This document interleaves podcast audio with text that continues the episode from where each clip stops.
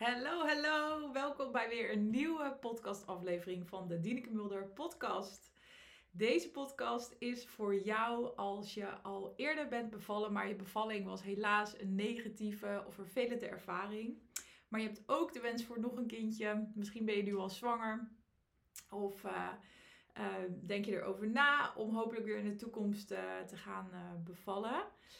maar zie je er ook best wel tegenop door je eerdere ervaring.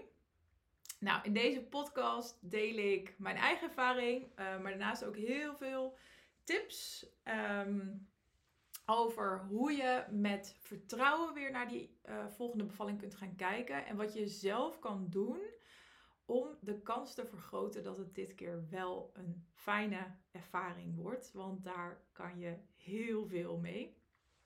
Dus uh, uh, dat is wat ik uh, deel in mijn podcastafleveringen. En uh, ik hoop dat je er heel veel aan hebt en dat je er heel veel waarde uithaalt. En het ook direct eigenlijk in de praktijk kan gaan toepassen. Want ik geloof heel erg dat als je graag wil dat je volgende bevalling een compleet andere ervaring gaat zijn.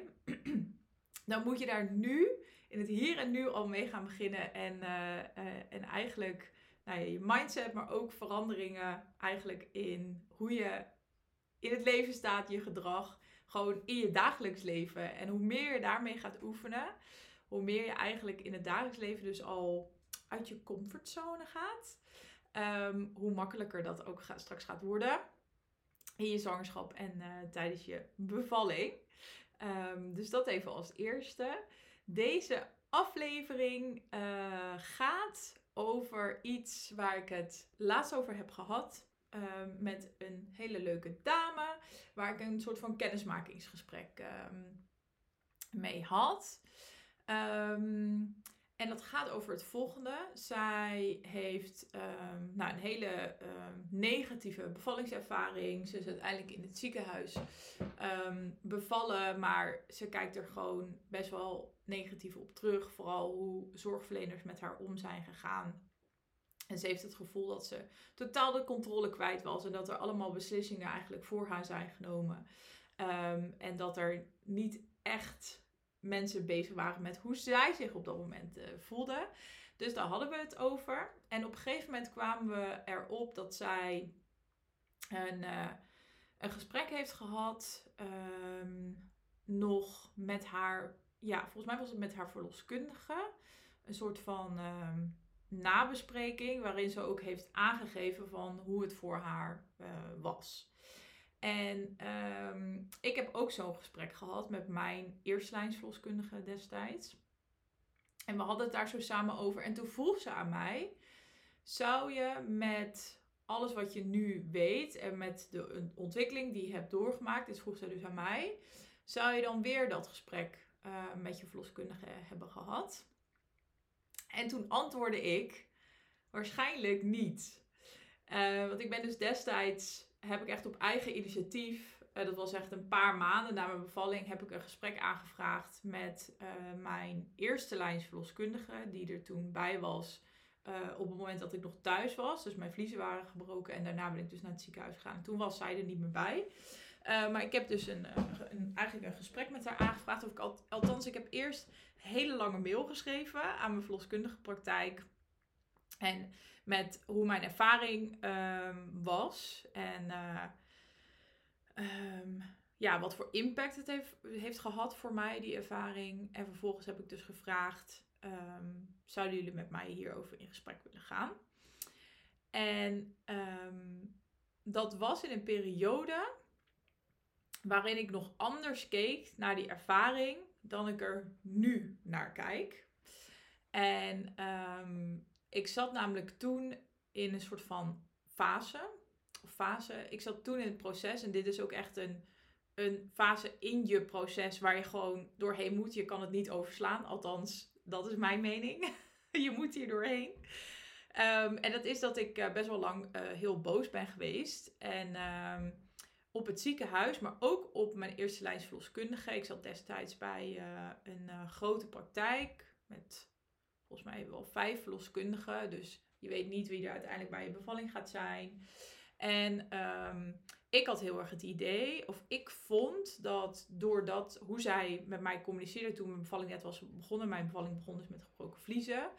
En een van de eerste dingen die zij tegen mij zei op dat moment is: um, Je vliezen zijn gebroken. De, uh, met langdurig gebroken vliezen moet je in het ziekenhuis bevallen, word je medisch. Als je niet binnen 24 uur goede weeën krijgt, dan moet je naar het ziekenhuis. En ik wilde eigenlijk helemaal niet in het ziekenhuis bevallen. Niet dat het helemaal geen optie voor me was, maar um, eigenlijk was het in mijn hoofd alleen een optie als er iets heel ernstigs zou gebeuren. Uh, ik wilde heel graag thuis bevallen, dat was mijn wens. En uh, dus toen zij op dat moment dat zei, toen voelde dat heel.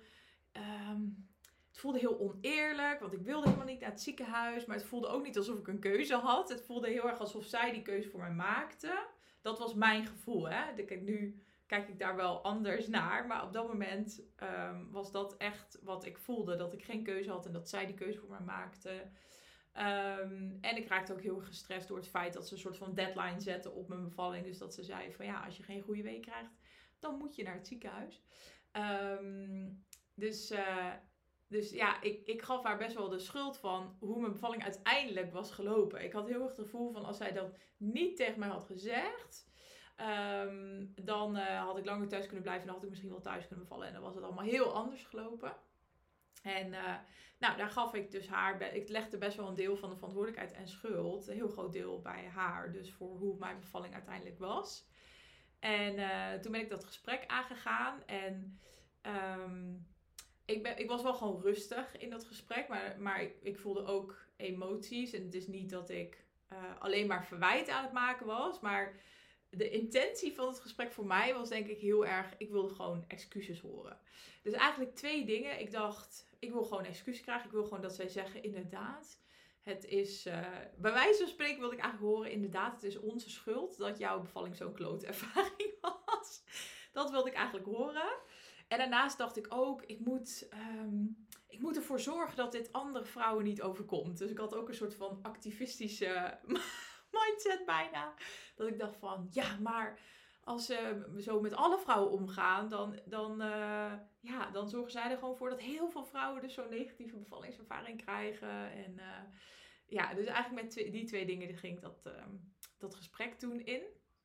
En uh, nou, om even terug te gaan, ik had dus een, een kennismakingsgesprek zeg maar, met iemand binnen mijn coachingspraktijk. En zij stelde mij dus de vraag, zou je, als je nu die beslissing weer zou maken, zou je dan nog steeds dat gesprek uh, zijn aangegaan? En toen zei ik van nee, ik denk het niet. Maar toen zei ik er wel achteraan, uh, ik heb er geen spijt van dat ik dat uh, gesprek toen ben aangegaan. Het is niet dat ik nu, ja, dus dat heel veel spijt van heb of heel kritisch ben naar mezelf. Dat ik denk van, oh, waarom heb je dat toen gedaan? Ik vind het meer, ik probeer er wat meer met compassie en begrip naar te kijken, omdat ik het heel goed begrijp. Um, hoe ik toen naar die ervaring keek. Uh, wat dus de reden is waarom ik dat gesprek ben aangegaan. Maar ik vind het wel, um, ik denk dat het waardevol is om misschien wel te delen hoe ik dat heb ervaren en hoe ik daar nu naar kijk. En dan kan je nog steeds zelf bepalen. Ja, dan kan je überhaupt nog steeds zelf bepalen of je zoiets zou willen. Want ik weet dat er heel veel vrouwen wel erover nadenken. Over om dus weer in gesprek te gaan, uh, wellicht met verloskundigen of in gesprek, gaan met het, in, gesprek te gaan met het ziekenhuis. Wat ik overigens ook heb gedaan, dat ben ik helemaal vergeten te zeggen. Ik ben namelijk ook nog in gesprek gegaan, dat was telefonisch, met de klinisch verloskundige die destijds bij mijn bevalling is geweest.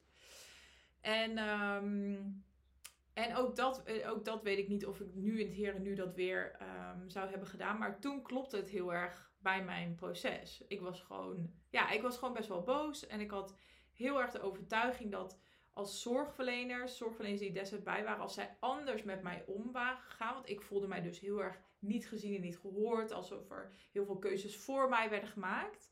Ik had heel erg het gevoel van, nou, als zij dat anders hadden aangepakt, dan had mijn ervaring uh, veel positiever kunnen zijn. Dat was mijn uh, overtuiging. En vanuit die overtuiging dacht ik ook dat het mij zou helpen om uh, met die zorgverleners dus in gesprek te gaan.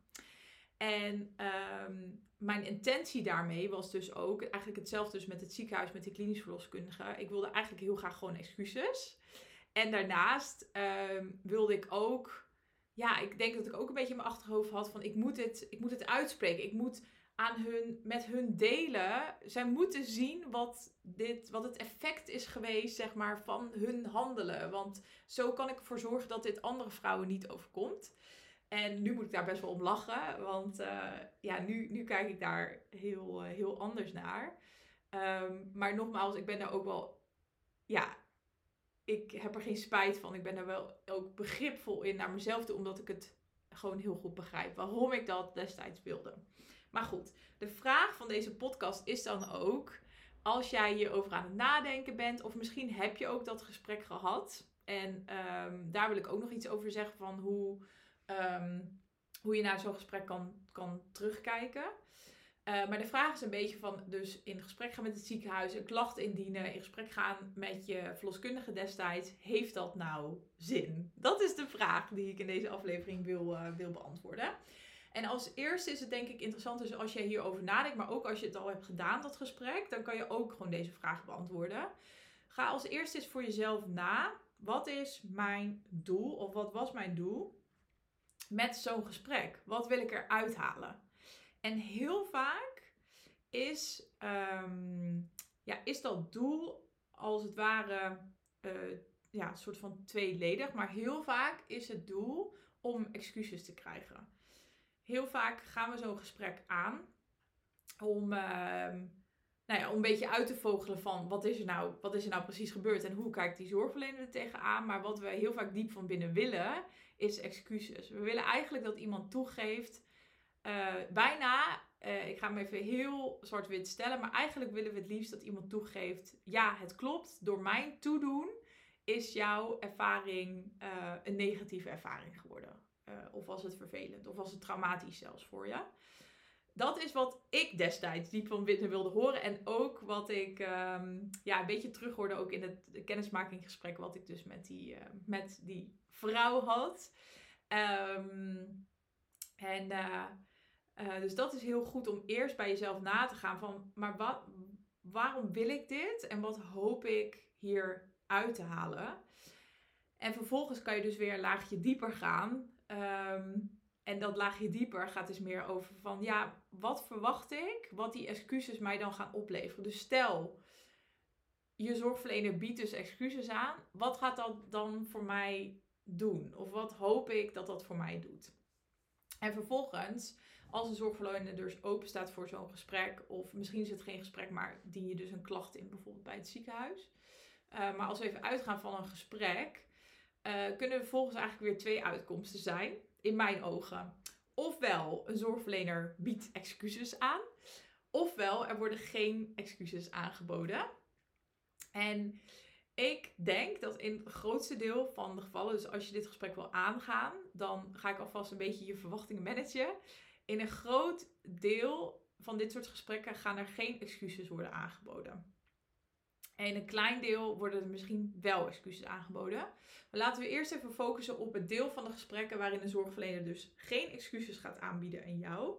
Waarom is dat nou? Um, en ik ga gewoon even mijn, dit is mijn waarheid, mijn visie. Hè? Maar um, um, hoe ik dat zelf heb ervaren en dus ook hoor terugkomen in verhalen van andere vrouwen is dat je moet het een beetje zien als volgt. Um, waarom zal een zorgverlener dat niet zo snel doen? Nou, ten eerste is hoe een zorgverlener jouw bevalling heeft beleefd, is heel anders dan hoe jij hem zelf heeft, hebt beleefd. En daarnaast um, is het natuurlijk zo dat een zorgverlener jou zorg verleent. Um, in zeg maar de, de capaciteiten die, die mogelijk zijn. Ja, ik omschrijf dit heel vaak, maar uh, ik zat het namelijk in het Engels te bedenken. To its best capacity. Maar dus je moet het een beetje voorstellen dat iemand zal je altijd de zorg verlenen op de best mogelijke manier binnen zijn of haar eigen capaciteit. Ja, dat is denk ik de juiste uitleg. Ik bedoel, niemand gaat naar een ziekenhuis toe of naar een verloskundige praktijk en denkt: Nou, ik ga vandaag eens even zorgen dat vrouwen een heel nare ervaring krijgen. Niemand. iedereen, ehm, ja, ik denk dat heel veel zorgverleners, uh, en ja, ik denk iedereen die dit werk doet, die doet het vanuit de intentie, uh, vanuit zijn of haar eigen intentie en ook vanuit um, zijn of haar eigen overtuiging dat um, hoe hij of zij zorg verleent, uh, dat dat de manier is om dus de vrouw, de patiënt op dat moment, of patiënt, ja, patiënt, of cliënt, um, op de best mogelijke manier zorg te verlenen. En, maar dat kan voor jou, jij kan dat hoeft niet te betekenen dat dat ook op dat moment de best mogelijke zorg voor jou is. Want jij kan op dat moment heel andere verwachtingen en behoeftes hebben. Maar het is dus goed om te bedenken, meer vanuit het perspectief van degene die jouw zorg heeft verleend, dat diegene dat altijd uh, doet op de best mogelijke manier. Wat zeg maar binnen zijn of haar um, bandbreedte slash capaciteiten valt op dat moment. En dat verschilt dus ook nog eens per dag. Dat verschilt misschien wel per uur. Want je hebt te maken überhaupt met een mens. Dus, uh, en dat mens heeft ook gewoon um, zijn of haar eigen privé dingen. Überhaupt hoe dat mens, die zorgverlener, zich voelt die dag. Misschien um, is hij wel heel moe. Uh, misschien heeft hij net een heel lastige discussie gehad op werk of thuis. Misschien heeft hij zelf al kleine kinderen waardoor hij vet slecht heeft geslapen. Um, gewoon puur om even te schetsen van dat een zorgverlener geen robot is. En dat, um, uh, dat een zorgverlener ook gewoon uh, zijn of haar eigen dingen meeneemt in het werk. Dus je hebt gewoon de dagelijkse dingen die spelen. Daarnaast heb je nog het zorgsysteem waar iemand in moet functioneren. Dus uh, is een verloskundige um, onderdeel van een grote praktijk, dan worden er gewoon. dan heeft diegene de verantwoordelijkheid voor veel vrouwen, zeg maar. dus als iemand bij jou thuis is geweest tijdens jouw bevalling, misschien was diegene in haar hoofd, uh, dus de verloskundige alweer bezig met, oh ja, daar en daar is nu ook iemand met, uh, aan het bevallen. Of zover is zij in de bevalling. Dus had ze op het moment dat ze zorg had voor jou ook de zorg wel, uh, misschien wel voor iemand anders en was ze daar in haar hoofd mee bezig. Um, in het ziekenhuis een beetje hetzelfde verhaal. Um, uiteindelijk is een ziekenhuis gewoon een bedrijf. Uh, dat is gewoon zo, dat is een feit. En um, bedrijven worden gewoon op een manier gerund. Want er moet ook gewoon, er moet, de klant moet geholpen worden. Maar er moet ook gewoon geld verdiend worden. En er moet uh, winst gedraaid worden. Er moet omzet gedraaid worden. Um, dus zo'n zorgverlener is ook weer onderdeel van een groter systeem. En nou ja, stel dat op het moment dat jij ging bevallen, dat, er, dat de hele uh, afdeling vol lag. Dus elke kamer was bezet. Dan kun je je voorstellen dat zo'n zorgverlener op dat moment heel veel uh, aan zijn of haar hoofd heeft. Dus een gynaecoloog die misschien wel tussen kamers moet rondlopen. Of een klinisch verloskundige die meerdere kamers um, daarmee bezig moet zijn. Misschien wel als jij, um, als jouw bevalling medisch werd He, bijvoorbeeld had je een CTG-hom, die had ik, had ik uh, om. Nou, dat moet in de gaten worden gehouden. De piept daar een monitor. De, daar moet de oxytocine opgehoogd worden. Dus je kunt je misschien voorstellen, het is goed om je heel even in te leven in um, wat er in dat hoofd van een zorgverlener gebeurt. En dat het uiteindelijk een mens is. Uh, een mens met en um, zijn of haar eigen overtuigingen. En ook ervaringen hè, met bevallingen. Um, daarnaast is het zo dat, uh, bijvoorbeeld met ervaringen bedoel ik, als een zorgverlener dus voornamelijk alleen in een ziekenhuis heeft gewerkt, dan is de kans groot dat diegene meer medische bevallingen heeft begeleid en gezien dan um, een bevalling waar gewoon niet zo heel veel mee aan de hand was, waar bijna geen interventies nodig hadden, waar heel erg de fysiologie eigenlijk is, um, een rol speelde of is gewaarborgd, om het zo maar te zeggen. Dus ook dat kleurt weer eigenlijk jouw overtuiging over bevallingen als zorgverlener, maar ook hoe jij zorg verleent. Nou ja, ik kan hier nog heel veel over zeggen, maar het punt wat ik hier wil maken is dat het goed is om, om je ook even in te leven in ja, eh, het, uh, hoe het is om zorgverlener te zijn, dus aan de andere kant te staan bij een bevalling. Um, dus misschien kan je daardoor ook voorstellen dat als jij als zorgverlener het gevoel hebt dat je gewoon alles eraan hebt gedaan om een bevalling goed te laten verlopen. En voor een zorgverlener is dat heel vaak misschien iets minder hoe het met jou ging, maar vooral met de baby. Een zorgverlener zal misschien denken: hé, maar ik heb er toch voor gezorgd dat je baby gewoon gezond en wel ter wereld is gekomen. Dat klinkt een beetje, ja, dat klinkt misschien een beetje kut, maar zo is het uiteindelijk wel. En wat er zich in jouw hoofd afspeelde, hoe jij je hebt gevoeld op dat moment, dat is heel lastig, ehm, heel lastig te zien voor een zorgverlener, uh, denk ik. Als je, ook als je het natuurlijk niet uitspreekt. Ehm, dus het is lastig om, uh, of misschien kun je je voorstellen dat, en als je ook kijkt naar jezelf, als je eens terugdenkt aan ervaringen waarin iemand excuses van jou verwachtte, um, heel vaak bieden wij pas excuses aan als we echt het idee hebben dat we ergens schuldig aan zijn. Dat is denk ik heel belangrijk om te noemen. Dus dat jij echt schuld hebt aan een ervaring. Ehm, en dat je daar dus anders naar kijkt als zorgverlener. Want als zorgverlener heb je waarschijnlijk het perspectief. Maar het is allemaal goed afgelopen. De baby is gezond. Jij bent gezond. Ik heb er alles aan gedaan om zoveel mogelijk risico's te minimaliseren. Dus waar heb ik dan schuld aan? Ik denk dat het goed is om je dat, ehm, om je dat uiteindelijk te bedenken.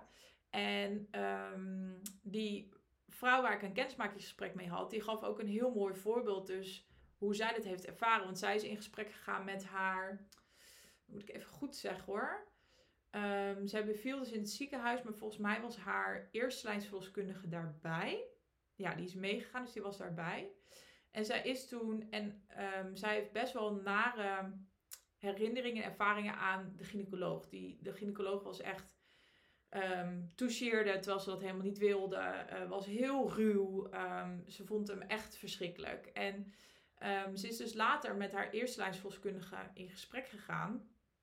Om, om dat ook aan te geven dat ze dat niet prettig vond. En ook te vragen van waarom, waarom ja, waarom ben je niet voor me opgekomen? En ze, zij zei tegen mij, wat, wat ze heel moeilijk vond, is dat die eerste lijns verloskundige eigenlijk dat bagatelliseerde. En eigenlijk zei, nou, ik vond het wel een fijne man. En hij was gezellig aan het kletsen. En hij deed zijn werk goed. En, um, dus zij maakte dat eigenlijk heel positief. En zij bagatelliseerde het gevoel wat dus uh, die uh, bevallende vrouw, de barende vrouw, waar ik mee in gesprek was, hoe die dat had ervaren. En dat vond ze heel moeilijk. Um, en dat vond ze heel erg frustrerend. En dat is natuurlijk, nou ja, dit is natuurlijk helemaal uh, lastig als jij zo'n gesprek ingaat met ik wil graag excuses en ik wil overbrengen hoe dit voor mij is geweest. En dat vervolgens iemand gaat, ook nog gaat zeggen, ja, maar het was allemaal niet zo erg. En dus jouw gevoelens teniet doet en bagatelliseert. En toen ging ik daar vervolgens dus met haar wat verder over in gesprek. En toen zei ik van, uiteindelijk is het natuurlijk, um, is het een soort van uh, gissen. Maar um, ik wilde haar een beetje helpen om zich in te leven ook weer in die, uh, hoe die verloskundige op dat moment in dat gesprek zeg maar stond. Dus ik zei tegen, te, tegen haar, ik kan me best wel voorstellen dat die verloskundige is jouw hele bevalling erbij geweest. En ik kan me echt ik kan me niet voorstellen dat het haar niet is ontgaan hoe, um, hoe negatief deze ervaring voor jou was. Dat kan ik me gewoon niet voorstellen. Dus waarschijnlijk heeft zij echt wel gemerkt dat jij nee zei en stop. En um, dat het echt niet fijn voor jou was. En wat de impact was van hoe die gynaecoloog met haar omging. Uh, met jou omging. Maar dat het waarschijnlijk best wel. Dat het echt lastig is voor die voor die verloskundige ook omdat er natuurlijk meestal een soort van machtsverhouding in zo'n kamer is tussen een gynaecoloog en dan een eerstlijnsverloskundige. Um, waar niet, waar, er zijn ook zorgverleners die er gewoon scheid aan hebben hoor, maar het speelt wel mee, het kan wel meespelen. En dus ik kan me best voorstellen dat, uh, dat die verloskundige wellicht wel heeft gemerkt dat jij het echt niet fijn vond, maar dat zij het heel lastig vond om daar iets van te zeggen, omdat misschien wel door dus die machtsverhouding die zij voelde. En dat ze zich eigenlijk misschien zelfs wel een beetje schuldig voelde. Alleen op het moment dat die verloskundige in zo'n gesprek, dus dat gesprek later, dat zou toegeven, dat betekent dat zij op dat moment ook de pijn die bij haar, die emoties die bij haar op dat moment speelden, dus misschien wel machteloosheid, dat ze die uh, moet toelaten. en moet gaan ervaren. En dat vinden mensen heel vaak heel lastig. Het is makkelijker, comfortabel om op dat moment te zeggen van nee, jouw, jouw gevoelens kloppen niet. Het was gewoon een hartstikke leuke man en ehm, ik heb er helemaal niks van gemerkt. In plaats van dat je zegt van nee, dat klopt. Hij was ook, uh, het was ook niet fijn hoe hij met je omging. Ik zag ook dat het je pijn deed en verdriet en dat je boos was.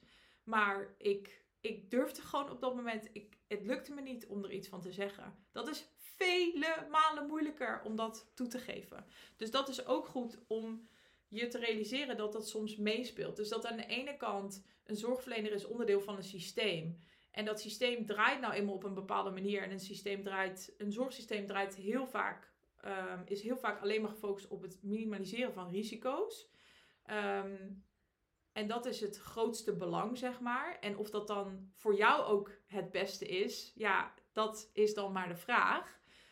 Um, maar een zorgverlener zal dus anders kijken naar jouw ervaring. En zal dus meer kijken van ja, wat de uitkomsten zijn toch goed. Ik heb mijn best gedaan om de risico's te minimaliseren. Dus wat mij betreft is het gewoon, um, is het gewoon positief, is het goed afgelopen. En dat kan voor jou natuurlijk heel anders voelen. Dus daardoor zal iemand al minder neiging hebben om dan excuses te aanbieden. Want waarvoor dan? En wat is dan precies mijn schuld? Dat als eerste. En als tweede, een zorgverlener is ook maar een mens. Dus zelfs als iemand op dat moment merkte van, oeh, dit was. Um, dus stel, um, even denken hoor. Nou ja, stel er is in de, weet ik wat, in de persfase worden opeens jouw benen in de lucht gegooid. En dat vond je echt verschrikkelijk, want het voelde heel erg um, alsof je dus com complete controle kwijtraakte. En het voelde heel erg kwetsbaar. Um, en misschien voelde een zorgverlener dat ook, maar praat iemand het dan goed door eigenlijk te zeggen: ja, maar dat was gewoon wat nodig was op dat moment. En daarom heb ik het goed gedaan. Want je kan je misschien voorstellen als je dat wel dus gaat uitspreken van nee, inderdaad, ik zag dat, uh, dat dat echt niet fijn voor jou was. Dan moet iemand dus ook die gevoelens daarbij gaan toelaten. Dus, de zorgverlener moet ook zijn of haar eigen gevoelens gaan toelaten. Van bijvoorbeeld, ja, ik voelde me ook best wel machteloos op dat moment. En dat is heel kwetsbaar. Dat is echt ontzettend kwetsbaar. En dat is niet alleen um, wat zorgverleners lastig vinden, maar wat wij überhaupt als mensen heel lastig vinden om dat toe te laten en om dat te gaan voelen. Het is gewoon comfortabeler om dat met iets anders af te dekken. Dus door te zeggen, ja, maar ik moest gewoon doen wat nodig was. Of ja, maar um, ik vond uh, dat, uh, dat de gynaecoloog wel een ontzettend leuke vent was. Uh, het klopt niet wat jij voelt. Dat is uiteindelijk een manier om eigenlijk wat je zelf voelt af te dekken. Ik, ik ben heel benieuwd of dit een beetje een duidelijk verhaal is. Maar mocht je hier nog vragen over hebben of zeggen van nou, ik snap echt geen reet van, laat het me weten. Maar ik hoop dat ik het een beetje duidelijk heb uitgelegd. Dus dat is even weer terug naar het begin. Dus als je zo'n gesprek aangaat met de intentie om excuses te krijgen, dan zijn er eigenlijk twee uitkomsten mogelijk. Je krijgt geen excuses of je krijgt wel excuses. En dan met geen excuses, wat ik net een beetje heb uitgelegd, is hoe komt dat nou? Waarom is het nou zo lastig voor zorgverleners, maar voor mensen überhaupt, om excuses te maken? Nou, dat zijn dus de twee redenen. Um, en dit, de, de andere uitkomst van zo'n gesprek is dat een zorgverlener wel excuses maakt. Nou, bij mij is dat niet echt gebeurd, maar ik moet zeggen dat ik vond dat mijn klinisch verloskundige uh, en mijn eerste lijstverloskundige wel op een heel fijne manier het gesprek met mij aangingen. Dus ze waren wel heel open. Uh, dat heb ik als heel prettig ervaren. Ze waren gewoon heel, heel open om mijn verhaal uh, te horen. En ze probeerden het ook niet. Um, nou, ze probeerden het ook niet echt te bagatelliseren. De klinisch verloskundige een beetje, moet ik zeggen. Maar um, ik kijk daar wel positief op terug. Ik vind het wel heel fijn um, dat ze überhaupt de tijd namen om mijn verhaal te horen. Dus dat was heel prettig. Um, maar ze hebben niet letterlijk gezegd van. Um, ze hebben niet letterlijk excuses gemaakt. En het interessante is, want het, het kan zijn dat je geluk hebt. Tussen zaakjes. En dat een zorgverlener wel excuses aan jou maakt. En uh, wellicht denk je dan van, oh yes, dit is waar ik op had gehoopt. Heerlijk, eindelijk gaan ze toegeven wat er fout is gegaan. Waarschijnlijk denk je dat. Maar ook daarin is het interessant om je af te vragen van, wat hoop je te bereiken? Of wat denk je wat het jou gaat opleveren om die excuses te horen? Want ik ga alvast even je verwachtingen managen. En uh, correct me if I'm wrong. Dus uh, als dit niet het geval was bij jou, dus als excuses jouw leven heeft veranderd in jouw kijk op je bevalling, laat het me weten. Maar ik durf hier echt met heel veel geld te wedden dat het niet zo gaat zijn. dus ik ga even. I will burst your bubble. Um, zelfs als een zorgverlener wel excuses aan jou aanbiedt, dan, dan gaat het waarschijnlijk zorgen voor een kort moment van vervulling bij jou. Of een kort moment van genoegdoening, zou ik zeggen. Um, dus je krijgt een soort van heel kort dopamine shot. Uh, door, uh, en je gaat dan een soort van voelen van yes, eindelijk iemand die zie je wel. Het was niet, uh, het was gewoon hun schuld. dus je gaat waarschijnlijk heel kort even voelen van oh, wat heerlijk dat iemand eindelijk toegeeft wat er allemaal mis is gegaan. En waardoor dus mijn bevalling een hel was. Of waardoor mijn bevalling zo'n negatieve of vervelende ervaring was. Um, maar ik ga je alvast waarschuwen en je verwachtingen managen. En ik ben ook benieuwd als je dus een keer zo'n gesprek hebt gehad en wel excuus hebt gekregen, hoe, of je dit herkent. Maar dit gaat iets van korte termijn zijn. Dus iemand gaat wel, dus je gaat blij zijn met dat je excuses hebt gekregen. Maar je gaat ook ervaren dat dit waarschijnlijk een paar dagen duurt. Maar dat je dan weer terug in je oude gevoel bent. En dat gevoel is dus uh, frustratie en uh, boosheid, verdriet over wat er is gebeurd. Want eigenlijk, um, wat er op zo'n moment gebeurt, dus door excuses te verwachten, leg je dus de verantwoordelijkheid voor jouw ervaring bij een ander uh, neer. En geef je dus ook eigenlijk je eigen kracht weg om um, voor een volgende keer ook te kijken van wat kan ik nou zelf doen om die kans te vergroten dat het wel een fijne ervaring gaat worden. En de enige manier om dat voor elkaar te krijgen is om los te laten, ja hoe kut het ook is, om echt los te laten wat jij denkt wat het aandeel is van andere mensen in jouw ervaring. Want uiteindelijk komt het erop neer, dit heb ik al vaker gezegd in een podcast, en dit is het, al, het meest confronterende wat ik uh, je ongeveer kan vertellen. Maar uiteindelijk komt het erop neer dat er een reden is dat jouw bevalling is gelopen zoals die is gelopen. En zelfs um, dat er een logica zit en dat er een reden is waarom precies die mensen bij jouw bevalling waren. En ook hoe ze met jou om zijn gegaan. Dus als jij je niet gezien en niet gehoord voelde, dan heeft dat niet zozeer te maken met dat andere mensen jou hadden moeten zien en naar jou hadden moeten luisteren en aan jou hadden moeten vragen hoe het met jou ging. Dat heeft te maken met jou, met jijzelf, met jouzelf. Jijzelf, nee, dat klopt niet. Het heeft te maken met jou en hoe jij in het leven staat en hoe jij naar jezelf kijkt.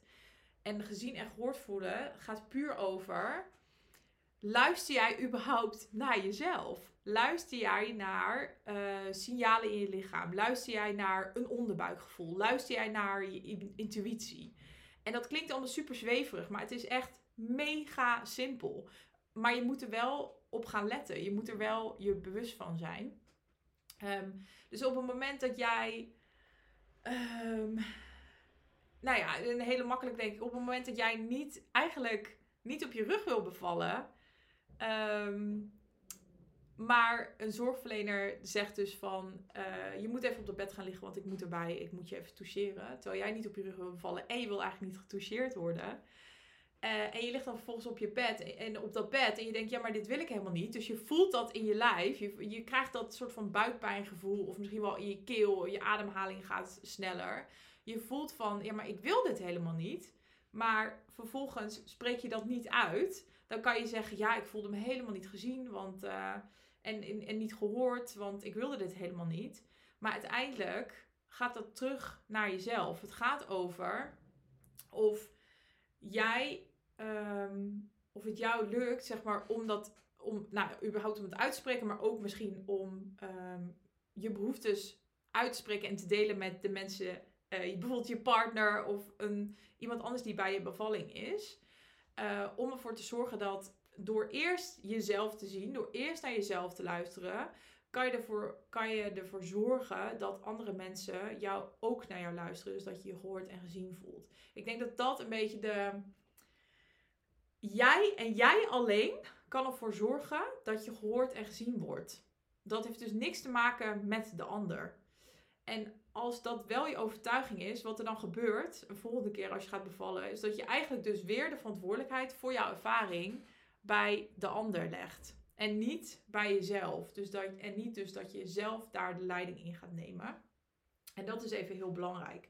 Dus als je daar, als we weer teruggaan naar, dus je kan wel excuses krijgen, maar eigenlijk door die excuses al te willen, überhaupt de verwachting hebben dat iemand anders de excuses maakt, zeg je dus aan, je zegt eigenlijk tegen jezelf, ehm, de verantwoordelijkheid voor mijn bevalling en voor mijn ervaring ligt compleet bij de ander.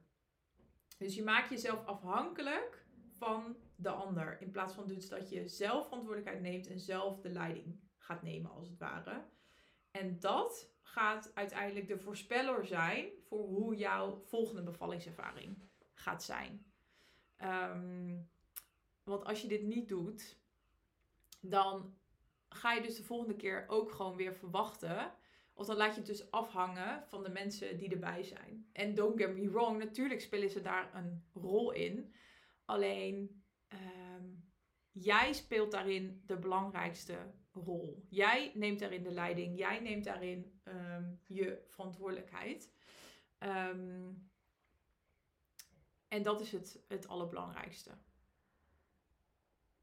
Dus je kan die excuses wel krijgen, maar je zult echt gaan ervaren dat dat iets van korte termijn is. Dat je misschien een paar dagen een soort van genoegdoening, dat gevoel hebt.